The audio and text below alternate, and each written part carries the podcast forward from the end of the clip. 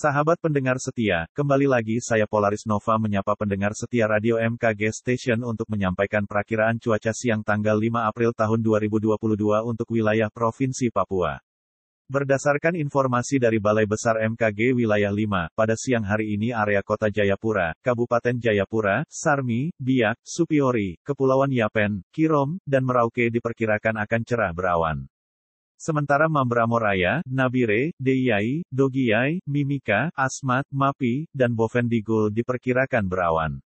Hujan diperkirakan akan turun siang di area Waropen, Paniai, Lanijaya, Puncak, Intan Jaya, Tolikara, Jayawijaya, Puncak Jaya, Yalimo, Nduga, Mambramo Tengah, Yahukimo, dan Pegunungan Bintang. Demikian perakiraan cuaca untuk siang hari tanggal 5 April tahun 2022. Informasi perakiraan cuaca wilayah Papua bisa Anda dapatkan melalui kanal sosial media info BMKG Papua. Tetaplah berhati-hati dan perhatikan cuaca di sekitar tempat Anda beraktivitas.